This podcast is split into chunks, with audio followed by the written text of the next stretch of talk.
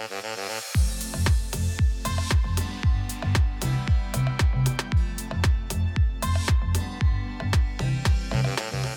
tulemast kuulama Tervisekassa podcasti. mina olen Heidi Kukk Tervisekassa avalikest suhetest ning ühtlasi ka meie podcasti üks saatejuhtidest. nagu juba tavaks on saanud, räägime siin podcastis tervisest, jagame soovitusi, kuidas tervist hoida. Kuulame ka erinevate inimeste kogemusi ja arutame koos ekspertidega, mis on need õppetunnid, mida me kõik saaks ühest või teisest kogemusest endaga kaasa võtta. täna on meie teemaks jooksmine see spordiala või mõne jaoks ehk suisa elustiil kogub pidevalt populaarsust ja on eriti hinnas ka praegusel ajal, et kus paljud meist veel eelistavad spordiga tegeleda individuaalselt ja, ja seda saab teha vabas õhus täiesti endale meelepärasel ajal. Mul on külas jooksuklubi jooksupartner, treener Einar Kaigas ja tema kõrval minu enda hea kolleeg Tervisekassast, kes on samuti aktiivne harrastusjooksja. tere tulemast, Gerda Palts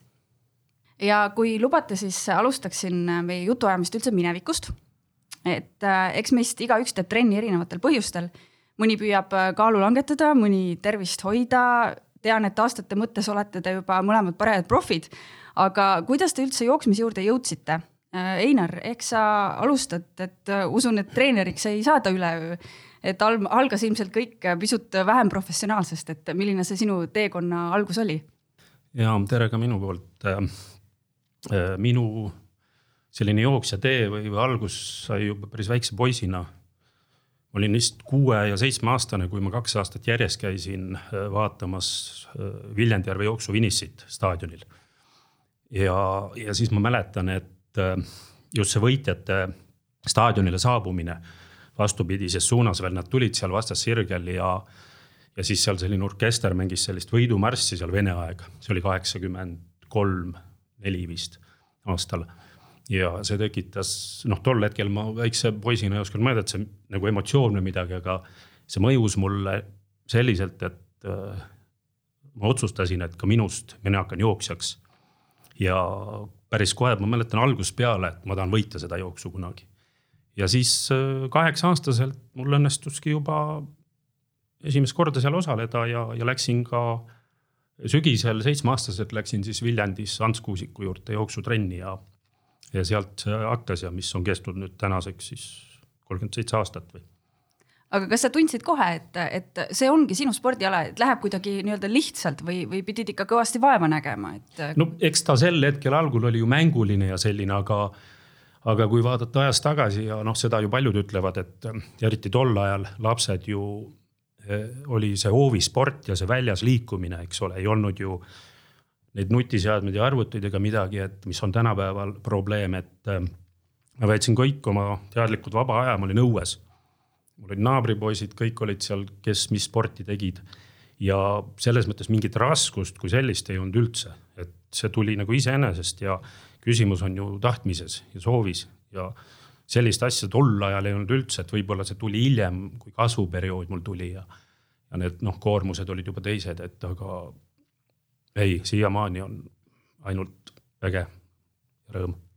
aga sellist tunnet vahepeal, et, et ei viitsi või jätaks pooleli, kui juba teismeiga peale tuli, selliseid momente? ei olnud kordagi, pigem oli see, et ma, kuna ma kõiki alasid suht niimoodi enam-vähem suutsin teha, nii pallimänge kui ka seal ütleme suusatamist, siis oli perioode, kus teised seal Viljandi spordikooli treenerid mind, mind kutsusid noh, oma trenni nii-öelda. ja siis ma sain mõnes trennis seal paar korda käia ja mõnes ühe korra ja siis mu treener Hans Kuusik tuli ikkagi ühel hetkel, ma ei mäleta, kas kooli lausa, et mis sa nüüd jamad ja tule tagasi ja, ja, ja ikkagi jäin sinna jooksmise juurde, jah. see innustus on ilmselt väga oluline ka, et, et keegi, keegi ütleb, et sa et sa oled selleks võimeline, siis tuleb see motivatsioon endal ka äh, kergemini. Aga Gerda, kuidas, kuidas siis sinu algus oli, sina oled pigem sellisem äh, hobisportlasem, nagu ma olen aru saanud. Äh, sul oli ka vist kindel eluperiood, kus sa selle jooksmise enda jaoks avastasid. ja tere ka minu poolt äh,. ja et äh, et äh, sihuke esimene teadlik äh, jooksma siis minek oli mul ülikooli ajal, et kas äkki teisel või kolmandal aastal, äh,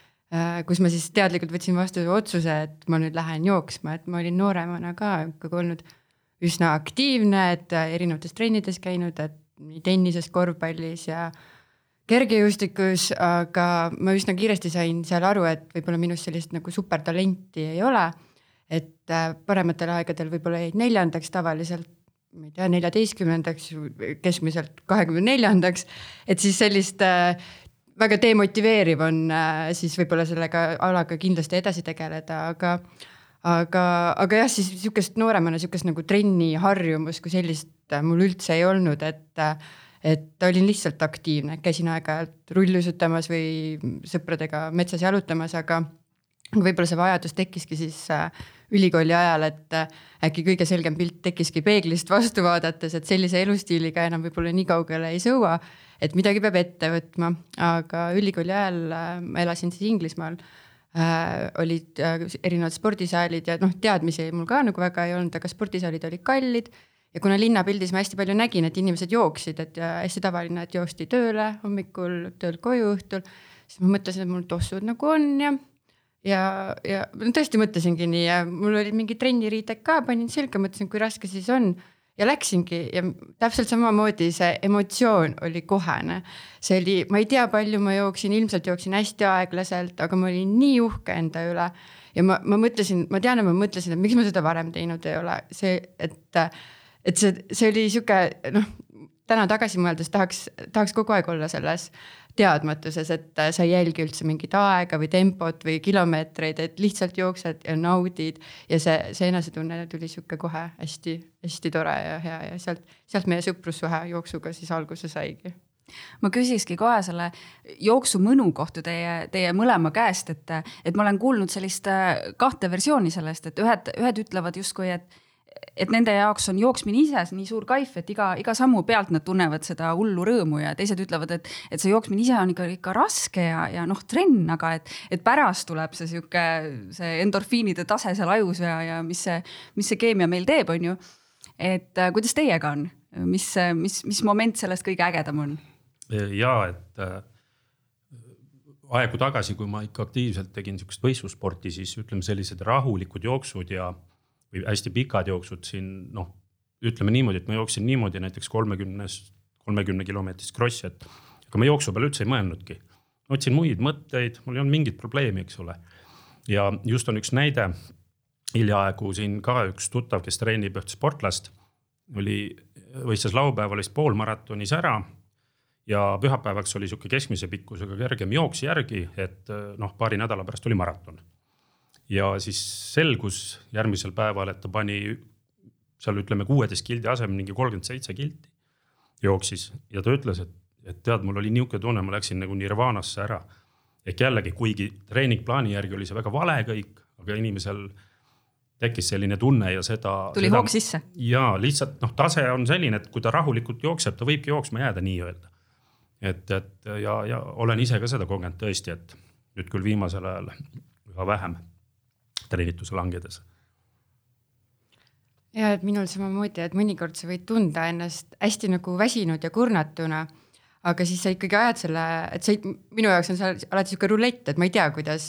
kuidas see läheb. et tunned ennast hästi sihuke noh, et üldse ei viitsi, aga siis lähed välja ja umbes esimese kümne sekundiga sa saad juba aru, et täna on enesetunne ikka väga hea, et äh, ma ei oleks uskunud. ja siis ongi sihuke tunne, et jookse kasvõi Tartusse, et äh,, et pigem, pigem hakkab nagu see aeg, hakkad vaatama, et muid kohustusi on ka, et võib-olla peaks ikkagi koju minema. aga et see tunne tuleb koheselt, aga teinekord ma ei tea ise, millest see sõltub, et teinekord on nii, et arvad, et oled äh, selline hästi tegus, aga, aga, aga kuidagi üldse ei lähe, et äh, aga noh, pärast on ikka, tunne on ikka hea. Äh, et seda on väga harva minul vähemalt juhtunud, et tulen pikalt jooksult tagasi ja mõtlen, no ei oleks pidanud minema, et sihukest asja väga ei ole. mul on üks hea sõber Viljandis, kes on sihuke noh, jalg jalgpall, noorena jalgpallur, nüüd rohkem tennist, jooksmas käib ka aeg-ajalt. noh, mina ta sinna nagu või tänu minule või nii-öelda suunasin, aga tema on ütlenud, et tema jaoks on kõige hullem tegevus on jooksma minnes tossude paalte kinnisidumine. aga ütles, et kõige kaifim tunne on siis, kui sa oled tagasi ja neid tossupaali lahti seod. et ütles, et tegelikult ta tennises või jalkas ei saa seda, vot sedasama endorfiini tunnet või seda kaifi kätte. aga lihtsalt see nagu Erki Nool vist ütles, et, et kõige hullem on ju tee diivanilt välisukseni, et. ja ongi vahest, et ilm on kehv või enesetunne toas vaatad, kuidagi nagu ei viitsi, lähed natuke aega, oled läinud ja tegelikult on kõik korras. ja, ja oled enda üle uhke, et läksid ikkagi Äh, Einar, sina oled sellest äh, jooksmisest endal suisa selles mõttes elus, elukutse äh, teinud, et tänaseks sa vist täiskohaga treenid teisi inimesi, nii, nii siis profimaid no, inimesi kui, kui ka, kui ka harrastussportlaseid. et miks sa selle valiku kunagi tegid, et hakata ka treenima? jah, see tuli juba nüüd üks kolmteist, neliteist aastat tagasi selline mõte, et oma muude põhitööde kõrvalt ja vist olime kas Hispaanias kevadises laagris ja, ja siis ma arvan, et Eestis võisime üks esimesi olla, et sellise ühingu nagu jooksupartner lõime, et pakkuda harrastajatele selliseid ühistreeninguid, rühmatrenne. ja just, et mitte lihtsalt jooksmas käia, vaid natukene sellist erialast treeningut nagu jooksuharjutused ja nii edasi, eks ole. et, et jah, sealt edasi on ta järjest kasvanud, klubi tekkis ja ja, ja noh, kõige suurem kontingent on jah, ütleme aja jooksul ongi sellised harrastajad, kes siis noh, kes siis kõvema, kes nõrgema tasemega. Ja tänaseks on noh, minul isiklikult on ta nii palju laienenud, et on tekkinud noored natukene juba. ja, ja on ka juba ütleme Eesti, Eesti tasemel tipp, Eesti tippjooksjaid siin, Eesti meistreid ja. ja, ja isegi, siin üritada veel juba rahvusvahelist tiitlivõistlustele, et, et ja minul kõikide nende noh, ütleme kolme kolme sellise sihtgrupi juures noh, ikkagi ühine asi on see, et, et selline koostöö sportlasega. mul meeldib olla selles nagu arengu, arenguprotsessis sees. et ja ma ei ole selles mõttes niimoodi treener, et ma, mina ütlen ja nüüd nii on, vaid see on nagu koostöö. ja, ja, ja noh, paljudel oled ka lihtsalt nõuandja. aga kuidagi on jäänud, ma ütlen, et kui ma nüüd aktiivse sportlaste ise noh, enda jaoks nagu lõpetasin, et, et siis tuligi sihuke treeneritöö juurde ja ikkagi ma ei, ma naudin noh, et, et. et, et ja ma ei ole ka selline võib-olla sihuke arvuti taga istuja seal mingit sellist admin tööd tegev, vaid mul meeldib olla õudse ilmaga, kummikud jalas, stopper käes metsas või staadionil, et. ja, ja noortega näiteks võistlussõidud Eestiski siin, et see on kuidagi, see on äge kui nüüd paari sõnaga jooksmise alustamisest või kättevõtmisest äh, rääkida, siis äh, sul on ka pikaaegne kogemus äh, inimeste utsitamisel ja, ja harrastussportlaste treenimisel. Ähm, kui sa, kui sul oleks paar lauset, millega veenda inimene jooksma hakkama, siis kuidas, mis, mis sa ütleksid? noh, muidugi üks asi on minu ütlemine või veendmine, aga, aga kõigepealt peab olema tahe, mis on põhiline märksõna, et midagi ma tahan teha või hakata tegema ja, ja leida see motivatsioon endas. Nüüd äh, eks, eks ütleme, alguspunkt algajal on ka erinev, et mõnel pole probleem kohe võib-olla neli-viis korda nädalas teha, keda tuleb pidurdada. aga on ka mul olnud sportlaseid, kes, kes noh, ongi, et ära mulle, no kaks korda käin jooksmas ja ma käin kuskil veel rühmatrennis ja, ja noh, eks ta ongi see alguse asi ei tohi liiga hurraaga kiputakse minema, eks ole, et äh, kiirusta aeglaselt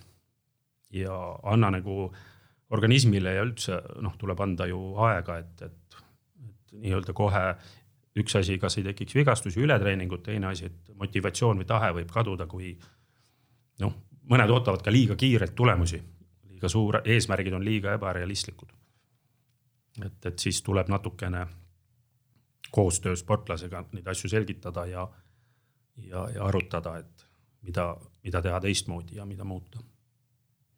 ma ise arvan, et jah, et ka, et võib-olla see algus võib äh, mõne jaoks keeruline olla või see motivatsiooni leidmine või nende tossude kapist välja võtmine, aga teised asjad, äh, noh, tihtilugu ka elu tuleb vahele, eks ole, et äh, oled küll jooksnud, aga, aga tekivad mingisugused äh, elulised sündmused, mis tekitavad vahepeal sisse pausid, et äh, kuidas nendest äh, üle saada. Gerda, sina oled saanud äh, oma jooksukarjääri ajal vahepeal kaks, kaks last, kellest, äh, kes mõlemad on veel praegugi väikesed, et äh, kuidas selliste, sellistest perioodidest uuesti see jooksmine üles leida? ja et äh, mul vanem laps on praegu äh, seitsmeaastane aga eks, eks see on hästi individuaalne, et äh, ja sõltub ka palju sellest, et, et iga inimene ja iga selline rasedus ja kõik sellest taastumine on ka erinev, et, et tuleb hästi kuulata sellist enda nagu äh, sisemist häält, et, et kindlasti mitte üle pingutada. aga, aga minul isiklikult oli nii, et ma esimese rasedusega sain päris kaua äh,, peaaegu täitsa lõpuni sain joosta, ehk siis seda vormi nagu muidugi aeglasemalt ja niimoodi rahulikumalt, aga et see vorm nagu hiljem nii, nii nagu väga-väga kaua pausi ei pidanudki pidama. aga, aga teise last, teist last oodates, siis mul tuli sihuke peaaegu üle aasta see paus, et seal äh, nagu ei saanud väga üldse midagi teha et siis, siis see tagasitulek oli küll hästi raske ja, ja täitsa nagu ütlen ka seda, et sul võivad tekkida sellised, et sa pead endale aru andma, et sa ei ole selles vormis, mis, mis, kus sa viimati nagu selle jätsid, et tuleb olla enda vastu, ei tohi olla karm, et ja alustada vaikselt ja mitte loota, et ma lähen nüüd esimest korda jooksma ja kohe saavutan needsamad tulemused, et sellist paindlikkust ja rahu säilitada seal, et, et need tulemused tulevad ja sa saad enda vormi tagasi, aga sa pead olema hästi kannatlik, aga ka järjepidev, et kindlasti mm, selline soovitus ongi, et hiljem nagu pausilt tagasi tulles, et see tulebki võtta mingiks perioodiks endale prioriteediks ja seda planeerida enda nagu päevakavasse. see võib, eks lapsevanemad võivad ju teada, et et äh, elu, elu väikeste beebidega on hoopis äh, väga palju keerulisem äh, kui muidu, et siis teadlikult planeerida, kokku leppida, kas oma abikaasa või sõprade või vanematega, kes iganes on äh, nõus lapsi vaatama. et äh, nii, mina lähen homme kell kaheksateist null null jooksma, kas sa saad tulla vaatama? Ja siis sul on juba selline nagu väike kohustus, et sa pead minema. Et, äh, et alguses võib tunduda natukene nagu veider, et kuidas ma planeerin sellist nagu noh võib-olla mulle endale vähemalt oli imelik siukseid asju planeerida, aga mingi hetk see kadus ära ja siis sai seda nagu rütmi hakata kasvatama hästi tasa ja targu ja need tulemused tulevad. kui meid täna kuulavad äh, ka need inimesed, kes, kes, kes neid tosse veel sealt kapist välja võtavad, siis äh, Inar, milliseid äh, õpetussõnu sa algajatele esimesele treeningule kaasa annaksid, mis, kuidas joosta, mis, mis seal teha tuleb? Mina soovitaks üldse, et tegelikult alguses mitte kohe, kohe minna ja ainult joosta. alatihti on kuulda, et seal kümme-viisteist minutit ja väga raske ja, ja tekib sihuke noh, mida iganes, et noh, loobumise asjad kohe, aga, aga eh, läbi kõnni mina soovitaks või üldse alustada kõndidega. näiteks argipäevadel üldse, kas kõnd ja sörk vaheldumisi kuni tunnine ja nädala lõpul võiks olla täitsa vabalt pikk kõnd ainult, ütleme kiiremas kiiremas tempos. ja, ja kuni siis hakkab see jooksuosa tõusma seal ütleme nendel tööpäevadel ja pikendada tasajärgu jooksuosa, kõnniosa jälle väheneb, et äh, see on üks kõige levinum, levinum ja lihtsam viis tegelikult alustamiseks, et see on sihuke madalama pulsiga aeroobne töö nii-öelda. ja noh, kui on lisatreeningud juures või lisa mingisugused jõusaalitrennid ja, ja igal juhul kas oluline on siis äh, lisaks sellele jooksmisele ka oma lihaseid äh, muud, muul moel treenida, et äh, tugevamaks muutuda? noh, kindlasti alustada algul venitusharjutused, siuksed võimlemis- ja venitusharjutused peale, peale jooksmist või kõndimist on hästi olulised. et lihas ju ei ole kummist nii-öelda, et ta muudkui venib edasi-tagasi, eks ole. see on ka vigastuste ja ülekoormuste ennetamiseks kindlasti oluline. aga see on, see on selles mõttes enamusele ma tean suht probleem, et kui oma jooksuots või kõnniots on tehtud väljast, siis on pingelangus ja ma ei viitsi. aga see on ka tippsportlaste puhul, et, et, et see on üks ja noh, lihas selliseid teisi rühmatreeninguid kindlasti võib-olla ühel hetkel juurde tuua. kes nagu füüsilist või jõu, jõu poolt et kas see, kas see kiirustamine ja, ja ületreenimine, mitte venitamine, need äh, ilmselt ongi põhilised algajate vead või oskad sa veel midagi välja tuua, mida vältida? Noh, kindlasti on, noh, kui ma ütlen, et kolmest korrast nädalas piisab, eks ole, siis on ju puhkepäevi vahepeal, et aga, aga jah, et tormatakse trenni, võib-olla siin pannakse kolm-neli päeva järjest näiteks ja siis jälle kolm-neli-viis päeva ei tehta või vot see on nagu kõige suurem viga, et tegelikult on asja puhul regulaarsus oluline. ja noh, see ei ole ju ainult jooksmise puhul, et, et ja mis, mis minu soovitus on üldse, kui päri-, noh, on plaan alustada, siis just praegune aeg kevadel noh, vahest ka juba märts-aprill, sõltub kevadest, eks ole, siis on nagu pool aastat sügiseni, kui üldse pime ja kole aeg on, siis jõu on, tekib juba mingisugune kas regulaarsus või treenitus, siis on lihtsam seda talve üle elada, et, et kui hakata sügisel tegema, siis ütleme, need meie kliimas need ilmaolud, siis võib see tuju ka selle võrra väheneda või ära minna nagu, et igal juhul kevad on õige aeg ja ja seada kas sügiseks mingisugused eesmärgid, kas siis kaal saada alla, osaleda näiteks mõnel rahvajooksul juba ja nii edasi. ja, ja noh, ega tegelikult algaja võib kohe suht äh, ruttu liituda ka mõne, soovitab mõne rühmaga. ütleme jooksu neid klubisid ja rühmasid on praegu palju, sa saad seal nõu küsida, seal on võimalik. loomulikult see on edasi jõudnud, teevad juba rohkem ja, ja kiiremini, aga kõik on individuaalne ja lihtsalt on võib-olla nädalas üks-kaks trenni kellegagi koos teha on palju motiveerivam, kui, kui üksi minna välja jah, ise, iseendale ilmselt leiad neid vabandusi, aga kui oled kellelegi juba lubanud, nagu Gerda rääkis või et siis on ka leiad ju või, või keegi naaber või sõbergi, kui sa oled kokku leppinud, ka see juba on, et ai, ma ju lubasin talle, ma ja pead ja siis naaber või see sõber ütleb samamoodi ja mul oli sama mõte, et äkki läheks täna. küsin korra selle ületreenimise kohta ka, et, et mis nõu sa annaks, kui, kui, kui tunned, et siiski, siiski oled üle pingutanud, et, et kusagil siit Sääremarja juurest või, või, või hüppeliigese juurest järgmisel päeval on valus, kui pikalt seda pausi pidada siis või mis siis teha tuleks? no ega valu on ju, valu ongi ju märk, et, et järelikult niikaua kui valus on, siis ei tee. saab teha natukene noh, ega lihaskoormust saab ikka anda, midagi muud siis teha võib-olla ütleme jalgu ei koorma või. Et saab ka kodustes oludes ju teha mingisuguseid harjutusi või, või internet on ju täis neid erinevaid lihastreeninguid. et mida iganes või, või noh kui joosta ei saa, ujumised ja asjad, et, et trenni noh, ei pea niimoodi jalad seina peale, kindlasti ei pea. aga mõne päeva võib ka rahu anda, et noh, et natuke ravida või hooldada, et kõik, mis on endal isiklikult võimalik teha, seda tuleb teha, et kas siis külmad ja soojad ja valuvaigistid või noh, sõltub sellest vigad, vigastuse nagu olemusest ja suurusest ja. Ja ega seal jah, muud, muud ei ole Gerda, on sinul ka tekkinud aastate jooksul mingisuguseid nippe, mida sa äh, täna algajale, algajale jooksjale tahaksid edasi anda? ma mõtlen, et, äh, et mis mind ennast on hästi palju aidanud, võib-olla ka peale pause, aga et äh, on just see, et, et jooksmist, et nautida, siis äh, et mitte kaasa võtta näiteks neid kellasid ja, ja kõiki neid äppe, mis nagu näitavad, kui kiiresti, kui palju sa oled jooksnud, et see võib tihti olla, see statistika jälgimine võib olla tihti hästi demotiveeriv. et mis mina soovitan, on see, et võib-olla kui kodust välja lähed, ütleme, et alustad siin vaikselt jooksmisega, vaat-, võid vaadata kella, äh, kui tagasi tuled, võid uuesti vaadata, et sa enam-vähem teaksid, palju, kui kaua sa jook-, jooksid. et siin kindlasti, et, et see on ju sinu isiklik enesetunne, et ei, et ei soovita nurga taha poodi minna ja niisama passida, et kindlasti tuleb äh, endal mingit koormust saada, aga et, et sellist mm, alustad, alustamiseks piisab täiesti sellest, et jooksed ainult enesetunde põhjal ja, ja kui sa ennast hästi tunned, siis sa oled motiveeritud ka järgmisel päeval minema ja siis see rutiin on nagu suurema tõenäosusega tekib, et nagu just see regulaarsus, et sa oled nõus minema. et kui sa hakkad seal kohe niimoodi rügi, rüga, rügama, et, et siis, siis võib-olla äh, neid äh,, siis võib-olla see regulaarsus kaob ära. aga sihuke soovitus ongi, et paljud nagu mina olengi võib-olla natuke teistmoodi, et ma kunagi ei võistle kellegiga, ma olen enda kõige suurem konkurent. et tihti, kui sa käid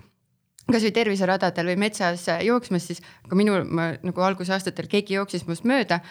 siis ma hästi võtsin seda hästi isiklikult, et oota, kuidas ta nüüd must nüüd mööda jooksis ja et äkki ma ei ole ikkagi piisavalt hea ja vaatasid kella ja kuidagi. aga nüüd ma olen jõudnud selleni, et mina ise olen enda nagu kõige suurem konkurent ja sean endale ise neid mini-eesmärke, et, et seadke endale eesmärke, mis ei ole üldse kellegi teisega seotud. et, äh, et näiteks sellel kuul jooksen, hästi populaarne on praegu ka sotsiaalmeedias, et aprillis näiteks sada kilomeetrit või et noh, e-, erinevad sellised aga sa ei pea üldse võtma seda, et sa võid ju proovida kohanda seda eesmärki vastavalt enesetundele. kui sul on näiteks mõni vigastus tekkinud, et siis sa ei pea seda nagu lõpuni viima, aga sa pead, sa pead ise rahul olema, et, et see peab sind õnnelikuks tegema päeva lõpuks, et minu jaoks on selline soovitus, et jälgi ainult ennast ja võistle ainult iseendaga, et siis, siis, siis on tore joosta me siin ise paar saadet tagasi rääkisime ka harjumuste kujundamisest ja sellest, kui, ehm, kuidas on keha ja aju koostööl kõik käib ja, ja see ei käi sugugi mitte üleöö. Ja see on kindlasti ka jooksmise juures motivatsiooniga väga palju seotud, et, et ühel hetkel jooksed kuu-kaks, siis, siis sul hakkab endal see harjumus juba sisse tulema ja see muutub justkui sinu jaoks sama tavapäraseks kui hommikul klaasi vee joomine või midagi sellist, et mis see teie kogemus äh, ütleb, Einar, näiteks sina äh, iseenda kunagise kogemuse või oma, oma nüüd treenitavate pealt näed, et äh, kaua läheb aega, et, et tekiks, et see muutuks loomulikuks elu osaks? ma jah, võib-olla enda koha pealt on raske öelda, sest ma hakkasin nii noore poisina et noh, tol hetkel ma noh, selliseid asju nagu motivatsioon või, või, või harjumuseks ma nagu ei mõelnud, ma mäletamist mööda, et ma käisin, meeldis ta lihtsalt ja, ja trennis ju käima ja seal oli teisi poisse ja et, et äh, aga, aga see on jällegi, et ta on individuaalne, et see harjumus äh, noh mul on selliseid ka siin ütleme õpilasi või, või treenitavaid, kellel noh, tahavad hirmsasti teha, aga on kuskilt mingi pikka aega on süvenenud mingi jalavalu või asjad ja ei saa jälle teha ja noh, sellist asja mina ei ole väga kohanud, et kes on ikka hakanud nagu käima või olema, et kas ta noh, võib-olla ta ei saa rühmatrennis või ühistrennides käia, et kõik nad teevad, et, et lihtsalt vahepeal noh, kes on treeningkava võtnud ei tee kava järgi, aga see harjumus on nagu minu, minu, minu nii-öelda sportlastel küll jäänud sisse, et vähemal või rohkemal määral. ja, ja noh, nagu ma ütlen, et põhiline, põhilised sõnad on tahe ja motivatsioon midagi teha. ja ehk nagu see eesmärkide seadmise on kõigil niivõrd erinev, et kes siin soovib lõpuks olümpiale jõuda, kes Eesti meistriks või medalile ja kes konkreetse aja peale ja kes siis, kes siis käib lihtsalt kolm korda nädalas üks sama ring on kodust, aga ta teebki ühes samas tempos, aga tal ongi, tal on tervis korras ja tal ei olegi rohkem vaja. et see on jah erinev aga see eesmärkide seadmine, on see oluline, et, et mingi kuhu, kuhugi jõudma ikka peaks, ükskõik kui? ja vot see ongi, et eesmärk ju täpselt, et kas on hea enesetunne tervise koha pealt, kas ma panen, ma saan kaalust alla teatud perioodiks näiteks. mul on ajaline eesmärk, eks ole, et ma tahan joosta seal sügisel, ma ei tea, kümmet kilti seal viiekümne minutiga või, või maratonis, eks ole, ja need on hästi erinevad jah. aga ei, mina soovitan, ütleme nii. et, et võib-olla kui ainult seda, noh, ma nüüd võtan eesmärgiks trennides käimise, noh. ka on eesmärk muidugi jah, mingid väiksed nii-öelda individuaalsed endale sobivad eesmärgid võiks olla vist või peaks olema. Gerda, kas sa seal Inglismaal ka tundsid ühel hetkel, et, et järsku paar kuud hiljem mõnel hommikul enam ei mõelnudki, kui, kui, kui juba trenniriided selga panid või mõnel õhtupoolikul, et, et see muutus nii, nii loomulikuks? ma ei mäletagi nii täpselt, et see tuli kuidagi ootamatult, et ma arvan, et see peamine lihtsalt oligi see, et, et kui, kui ta tekitas minus nii head tunnet, siis, siis äh, sa tahtsid seda tunnet veel rohkem tunda ja, ja ma arvan, et või, võis, võis küll niimoodi olla jooksmise juurde käib äh, lisaks, äh, lisaks sellele jooksmisele tegelikult äh, veel palju muudki. on olemas klubid ja maratonid ja inimesed kuulavad podcast'e ja muusikat selle jooksmise juures, et see on, see on tegelikult palju, midagi palju enamat kui, kui jalgade liigutamine, et Gerda, mida see, mida see ülejäänud osa sinu jaoks tähendab? See on jah selline, et, et sa võid käia võistlemas ja nendes üritustest osa võtta, et seal võita, aga mina olen jah, natuke nagu sina ka enne mainisid, on sellised, kes jooksevad kolm korda nädalas seda ühte sama ringi ja on üliõnnelikud selle üle. Et aga samas aeg-ajalt on mõnus nagu võtta osa sellistest üritustest, et seal kui, kui ma võidu peale nagu ei lähe, siis see on see meeleolu seal, et need jook-, kõik inimesed, kes seal on, on tulnud ühe eesmärgi nimel. see on sihuke melu, mida, mida, millest sa saad osa ja, ja see on sihuke, ma ei, seda, seda ongi raske kirjeldada, et sa lihtsalt võtad osa ja oled üks osa sellest jooksu uh, community'st siis seal, et uh.... võib-olla see on nagu üksi kodus laulmine ja laulupeol käimine, et selline täitsa võimalik, et pidupäev. pidupäev, et nagu kui on olnud maastikumaratonid, siis mulle nii meeldib, kui oleme kuskil metsas ja siis sa näed kedagi, siis kõik elavad ja üksteisele kaasa niimoodi kiidavad eh, teist, et oo, sa oled ka nii tubli, said sealt üle oja hüpatud, et see on niisugune äh, kuidagi lihtsalt sihuke meeleolu, mis äh,, mis on ka hästi-hästi tore sinna lisada, mitte see, noh, nendel jooksudel ei pea ju alati käima, ei pea üldse käima. aga mina küll soovitan aeg-ajalt osa võtta, et äh, see on, see on lõbus ja see on niisugune natukene sotsiaalsust juurde tuua, et äh, ma arvan, et see on väga vajalik mis, mis Einar sinu, sinu jaoks? täiesti nõustun, et nagu ma ütlesin, et see on ju pidupäev jooksjale või noh, sportlasele, et kui siin kasvõi kui Tallinna maratoni üritused toimuvad ikka tuhanded jooksjad ja kasvõi see stardihetk seal seista, et et ka minul noh, kui varem oli võib-olla sihuke saavusport, saavutussportlase tee ja tulemuse tagaajamine, siis täna on ka mul viis-kuus jooksuüritust ja et siis ma ütlengi, et noh, pingevabalt lähen ja, ja ma tõesti naudin, et just, et see rahvas on koos ja, ja noh, kui me arvestame, et kõikidel noh, inimesed ju elavad võib-olla nii palju eemal teistest või kuskil, et pidevalt ju treenivad üksi või jooksevad, eks ole, siis, siis tulla sinna tuhandete hulka ja lihtsalt osaleda, see ongi, see on jällegi sõna emotsioon ja, ja jällegi see on ka motiveeriv, et järgmine üritus või jooks võtta käsile ja kindlasti sinna minna ja. ja, ja paljudel on ju välja kujunenud ka kindlad sellised üritused või jooksu, jooksuvõistlused, kus käiakse. see on see miski, mis tõmbab. milliseid äh, üritusi teie välja tooksite, kus te käinud olete või mida te soovitaksite? Mm, no mina näiteks äh, käisin, nüüd mitu aastat küll vahele jäänud, aga käisin hästi äh,, tihti käisin mai jooksul. et see oli minu jaoks üsna lühikene distants, ma isegi täpselt ei tea, miks ma seal käisin, aga mulle lihtsalt väga meeldis, et äh, seal oli nii palju naisi koos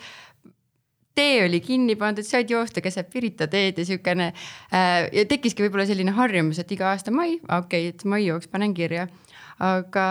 muidu ja ka olen, et maastikkumaratonidel olen äh, kolm-neli korda osalen või poolmaratonidel ja sellistel järvejooksudel. et äh, need ideed tekivad mul niimoodi uitmõttena ja siis ma hakkan nagu võib-olla internetist vaatama, mis toimumas on ja siis niimoodi lihtsalt panen kirja ja siis, siis on väike kohustus, et pean, pean kindlasti selleks ajaks vormis olema, et äh.... aga käid sa seal tavaliselt üksi või võtad sõbra, sõbranna kaasa? Oleneb meeleolust, et mõndasid jookse mulle meeldibki täitsa üksi teha, et oled sa üks väike inimene seal suures rahvamassis, kaod ära ja teed oma asja ja, ja pärast lähed koju ja oled, oled väga õnnelik aga, aga võib-olla sellised jah, näiteks just maastikummaratonid, kuna need vajavad sellist ka nagu logistik äh,, logistilist nagu planeerimist, et siis on hästi tore oma äh, sõpradega, kes ka on jooksuharrastajad, nendega kokku leppida, et see on juba omaette sihuke elamus, et lepite kokku, et mis kell te hommikul kohtute, kuidas äh,, kuidas transport on, siis koos lähete metsa. et see on sihuke päev koos veedetud, et, äh, et lisaks jooksmine selline sotsiaalne, sotsiaalne nagu mm, päev sõpradega. et äh, ja mina olen ka alati noh, kuna ma olen sihuke väga rahulik, ma ei ütle üldse, et ma kõnniksin või et ma ei pingutaks, et ma alati ikkagi teen maksimaalselt nii palju äh,, nii kiiresti ja nii tublisti jooksen, kui, kui ma sel hetkel ennast nagu hästi tunnen. aga tihti mõned ütlevad, et mina küll ei tule, et ma ei jaksa sinuga joosta või et siis ma mõtlen, et siis me kõnnime, et miks me, et siis, kui sa tunned, et sa ei taha joosta, siis me kõnnime, et ja siis jookseme edasi, et. et sellest ei ole mitte midagi, et äh, see ei ole, see võidu peale või mõisa peale me ei, nagu ei võistle, et. et on ka neid, kes seda teevad, aga, aga mina, mina ei ole, et äh, see on lihtsalt tore Einar, kas sul on ka mõned üritused, mida aastas kindlasti vahele ei jäta? jah, et mul on tänaseks kas viis või kuus jooksu, jooksu jäänud, et äh, elupõlise viljanlasena loomulikult ei saa üle ega ümber ümber Viljandijärve jooksust. mis nüüd teist aastat järjest just sel laupäeval oleks pidanud toimuma esimesel mail traditsiooniliselt lükati jälle edasi Covidi tõttu. siis sügisel on Viljandi linnajooks. mõlemad on siis Viljandi järvejooks on vanim jooksuüritus Eestis ja, ja vanim linnajooks on Viljandi linnajooks. ja siis noh, kõige raskem katsumus on mulle siis Saaremaa kolmepäevajooks. seal on ka muud faktorid juures, miks seal käiakse. ja, ja lisaks kaks-kolm väiksemat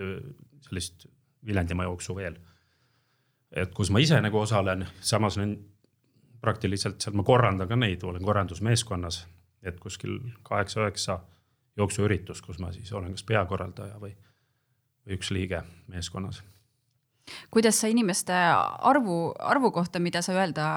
oskaksid viimaste aastate juures, kas sa näed äh, pigem jooksjate arvu kasvu, langust, kuidas see populaarsus on hetkel? tegelikult äh, kuni Covidini, kui vaadata neid rahvajooksude üritusi, kogu aeg oli tõusev trend. sest üldiselt siin kasvõi Tallinna maraton, tuhanded inimesed, kes siin käisid, et kogu aeg püstitati neid osavõturekordeid. et, et nüüd selle Covidiga on, on vähenenud natukene see, see trend, aga, aga ta ei ole ka noh, nii noh, kuidas ma ütlen, päris nulli loomulikult ei lähe ja et, et nagu ma siin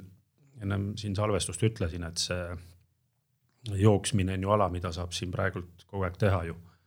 ühe või kahekesi ikka võib, et, et ja ma loodan, et see taastub suhteliselt ruttu, kui see tavaolukord noh, normaliseeruks. mis see põhjus võib olla, see, et sa ütled, et, et see populaarsus kasvab või kasvas enne Covidi tulekut, inimesed hakkavad aina rohkem äh, jooksma, miks mi,, miks sa, mis sa ise arvad? täpselt seesama, kõik see sellised, ütleme üle maailma need maratoni, turismireisid, kõik ja Eestis eriti järjest tuli noh, jooksude korraldamine noh, oluliselt järjest paremaks, kvaliteetsemaks läinud.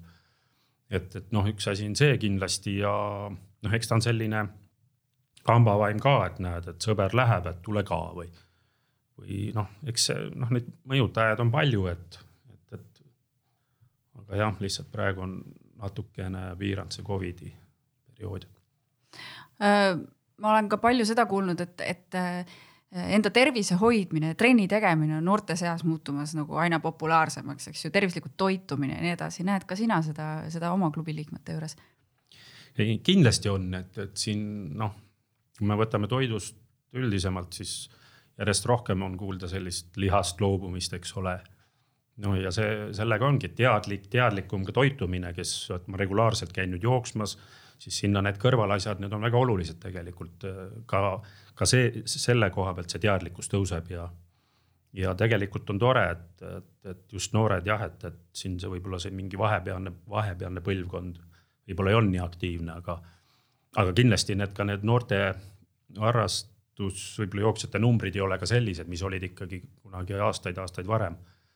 võib-olla kui, kui ka mina noorem, noh, ütleme selles vanuses, et numbrid võiks kindlasti suuremad olla, aga täna on ju ka väljunud aktiivses liikumises palju muid spordialasid on ju tohutult juurde tulnud, et mis on, mis on huvitavamad võib-olla kui, kui see mõnele tunduv nüri jooksmine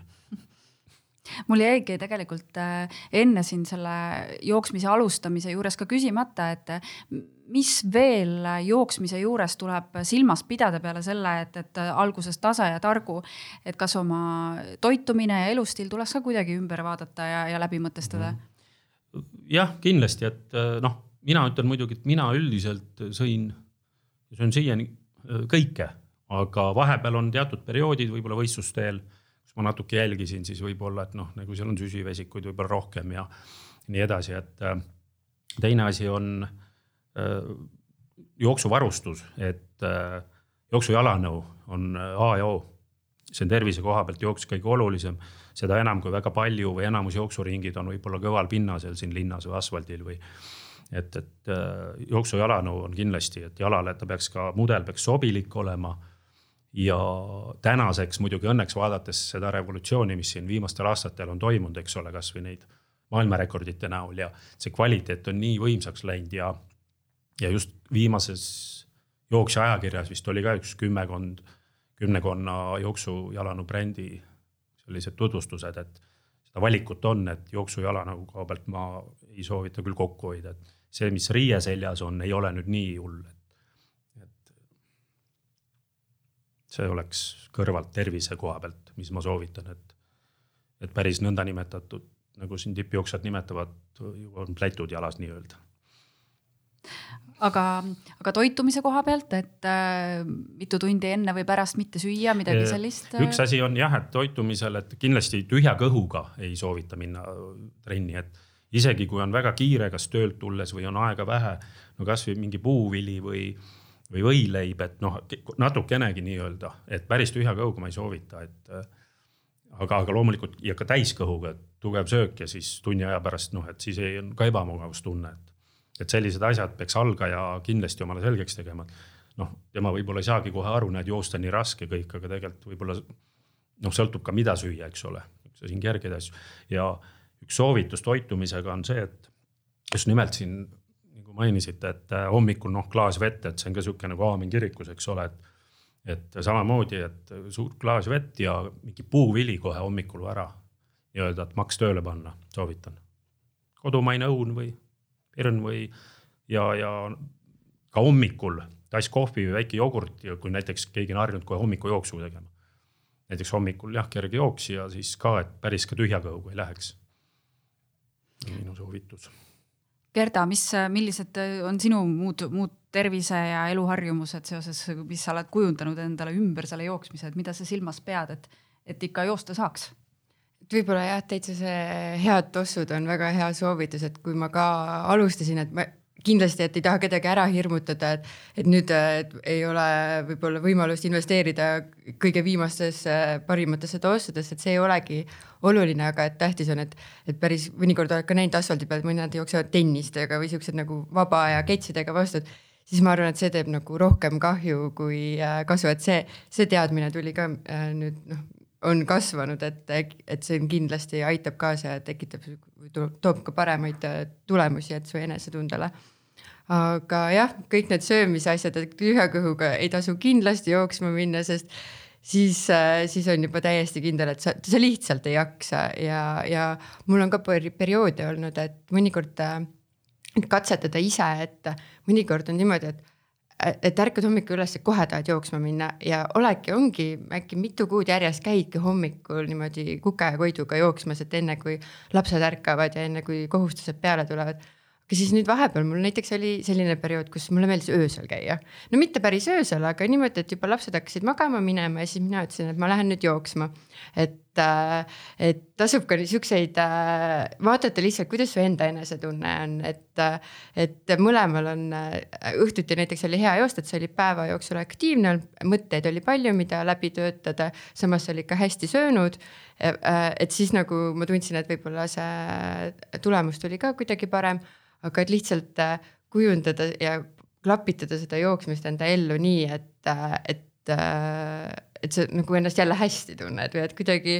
mm, et see, et see ei pea olema nii, et, et alustad nii ja nii on õige teha ja nüüd ma nii peangi lõpuni tegema, et ole selline vaba, paindlik ja siis. ilmselt enda keha tuleb ka kuulata ja vaadata, mis sulle sobib ja, ja kuidas sa ennast kõige paremini mingite toitude või, või, või rütmiga tunned, eks ju. ja, et tõesti, et mõni hommik on täitsa piisanud sellest ühest kohvitassist ja minek ja, ja väga hea oli olla, aga sellest sõltub ka palju, kuidas ja kui hästi või mida sa sõid eelmine õhtu, et, et need on ka sellised äh, katsetamise asjad, et,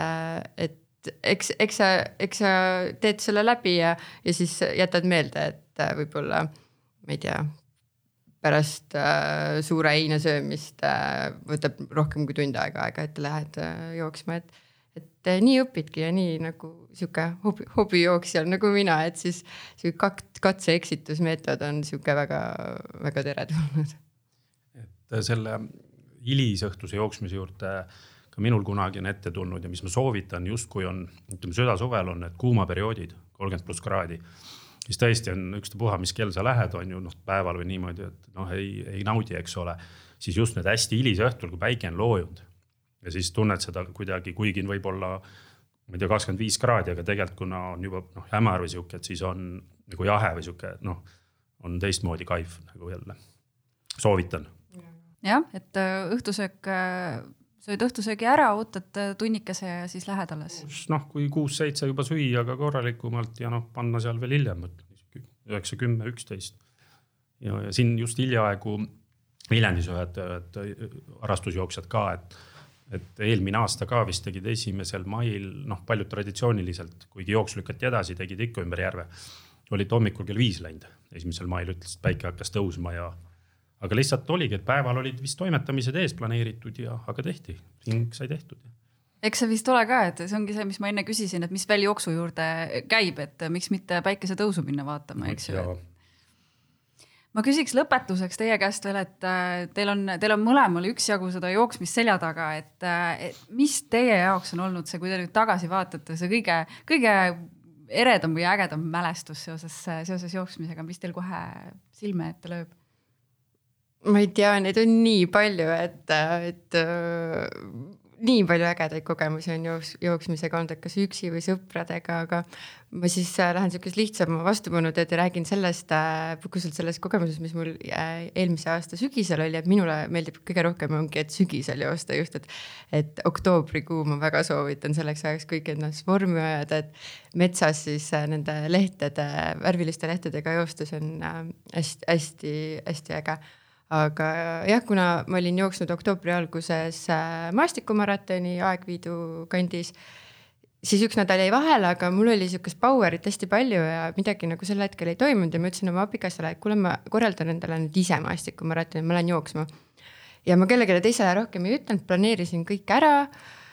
kõik finišisse nagu endale selle transpordi, et ma saaks tagasi linna sõita ja siis hommikul sõitsin Kuge ja Koiduga äh, Balti jaamast Paldiskisse ja lihtsalt hakkasin jooksma, hakkasin äh, Tallinna poole jooksma mööda ranniku maastikuala, et ma, see oli niisugune hästi suur eneseületus, sest ma noh, ma tegelikult äh, pigem olen kartlik inimene ja üksi metsas äh, kardan, aga kuna see kõik käis nii kiiresti, ma ei jõudnud nagu karta ja see oli nii äge kogemus, ma vist tundsin selle kolmekümne kilomeetri jooksul absoluutselt kõiki emotsioone, mida üks inimene äh, võib tunda, et meeletut rõõmu, suurt hirmu, et seal eriti seal metsas, äh, ma ei teagi, ma vist kartsin kõige rohkem mingitele loomadele äh, nagu otsa joosta või võib-olla see on põhjendamatu hirm, aga sel hetkel ma kuidagi hästi kujutasin ette, kuidas kuidas midagi sellist võiks juhtuda. ja, ja see rada oli ka hästi raske, et ta tegelikult on mõeldud äh, matkamiseks, aga mina mõtlesin, et kui ta on nagu matkamiseks sobilik, siis sobib ta ka jooksmiseks. ja, ja selline see eneseületus seal, seal raja peal oli nii palju selliseid äh, takistusi äh,. ma olin, tegin seda kõike üksi, ma tahtsin seda hästi teadlikult üksi teha, sest äh, kuidagi oma mõtteid mõelda äh,. ja kui ma sinna finišisse siis jõudsin äh, Laulasmaal siis äh, täpselt kui kolmkümmend kilomeetrit sai joostud, siis ma jäin rannaliival seisma ja siis võtsin nagu filmisin ülesse selle rannikuala, et mööda ranniku äärt ma siis jooksin. siis ma mõtlesin, appi, mul on täitsa hull, et kuidas ma jooksesin, et nii äge ja, ja siis, kui ma õhtul sotsiaalmeedias oma sõpradele nagu jagasin seda teed, sest noh, ma olin muidugi terve aeg ju pildistanud, et kui ma ei jooksnud, et äh, siis hästi paljud kommenteerisid, kuidas sa julgesid või et nagu noor tüdruk, et äh, läksid üksinda sinna. ja siis ma hakkasin mõtlema, et appi, et äkki see tõesti, et äkki ma oleks pidanud siis kartma midagi, et ma, ma ei osanud karta, kuigi ma seal rajal jah kartsin, aga ma ei osanud nagu ette karta, et mõnikord sellised eneseületused jooksmisega on äh, nii ägedad ja, ja see, ja see oligi üks nendest mini-eesmärkidest mul, et äh, tahan midagi sellist ägedat teha. et äh,, et äh, ma ei tea, võib-olla see on minu viimane, viimane selline äh, jooksukogemus, millest ma ilmselt räägin veel väga pikalt kõikidele, kes jaksavad kuulata, nii et äh, ja ma väga soovitan või soovitan selliseid, selliseid ettevõtmisi teha, et äh, ise, ise guugeldada ja vaadata. kõlab väga inspireerivalt ja, ja, ja kindlasti Eestimaal on, Eestis on väga palju ägedaid, ägedaid radu, et tasub guugeldada ja vaadata teiste, teiste kogemustest ja, ja soovitustest. et see rada täitsa tegelikult, konkreetselt see rada on nii ilusti märgistatud, et eksimisvõimalusi tegelikult ei ole, kuigi ma ikkagi suutsin ära eksida Äh, kahe kilomeetri jagu. Äh, aga see on väga hea küsimus, et kuidas sa saad eksida, kui sa pead mööda rannikut jooksma, et ja siis ma nagu sisemaal hakkasin jooksma, et ma täpselt ei tea, ma olin ilmselt väsinud. aga, aga et see rada tegelikult äh, tuleb täitsa Tallinnasse välja, et nii, et kes, kes, kellel inspiratsiooni tekkis, siis lepime kokku ja lähme jookseme selle Tallinnani välja. Einar, kas sul meenub ka mingi? jah, et ma veel siia ütleks juurde, et selle eksimise kohta, et ka minul on sportlasi olnud selliseid päris palju noh, võistlustel vahest või trennides kuskilt ja eksivad ja siis ma ikka naljatamise ütlen, et te suudate staadionivõistlusel ära eksida, et noh. ja siis selline eksimise koha pealt, minul samamoodi, mul ühte kindlat ei ole, aga mul on sellised verstapostid. et nagu ma siin alguses ütlesin, emotsiooni pakkus mulle, kui ma veel noor poiss, et seda Viljandi järvejooksu finišit vaatasin. see oli üks esimesi, eks ole, mis on, noh, on jäänud mällu ja, ja kuidas ma siis jooksmise juurde jõudsin noh, hiljem sellise saavutussportlase tee äh, on äh, noh, kindlasti võib-olla esimene see Eesti meistrivõistluste medal maratonil. ja, ja siis äh, kaks tuhat kolm aastal oli nädalase vahega, et kui ma saan oma ainsa Eesti meistritiitli teatejooksus ja nädal hiljem oli Soomes, valmistusin tegelikult maratoniks too kevade, juunis oli Soome maraton, ainus maraton siis, mis õnnestus võita Viljandimaa rekordiga tol hetkel, et, et aga just, et, et üks oli tuhande viiesaja meetri jooks nädal varem, teine maraton, et need on niivõrd kaks erinevat distantsi ja täiesti erinevat teed või treeninguid, mida selleks tuleb teha. siis nüüd klubi ajastust ütleme, oli üks sügis oli niimoodi, et mingi periood jälle oli Tallinna vaja trenni tulla andma ja ilm kehva ja hooaeg oli läbi, ma ei tea, kas november või detsember. ja no ei tahtnud kuidagi tulla nagu Tallinna poole, et seda no lihtsalt nihuke mingit emotsiooni, midagi polnud ja ah, kuidagi ikka tulin ja trenn ära, aga ma sain sealt trennist. Nendelt inimestelt jälle, et sai seda tehtud kõik tavapärasel kujul treening. kõik läks hästi ja ma sain sellise emotsiooni ja kuidagi ma sõitsin tagasi ja mõtlesin, et noh, kuidas ma üldse tulles sai selline tunne olla ja mul ei ole kunagi enam hiljem nagu olnud, et oi, ma ei taha minna või kuidagi noh, et eks loomulikult natuke seda sõitmist on Viljandist Tallinna, eks ole. aga see oli üks emotsioone kindlasti, et mis ma nagu, nagu seal trennis nendelt inimestelt sain. ja ega nüüd hiljem treenerina noh, kõigil, kui lähevad eesmärgid korda, sportlastel, keda ma juhendan ja, ja loomulikult viimased aastad siin ka ütleme täiskasvanute need Eesti meistrimedalid ja Eesti meistritiitlid noh, on, on ägedad, et, et jällegi koostöö sportlasega on seda õnnestunud teha ja,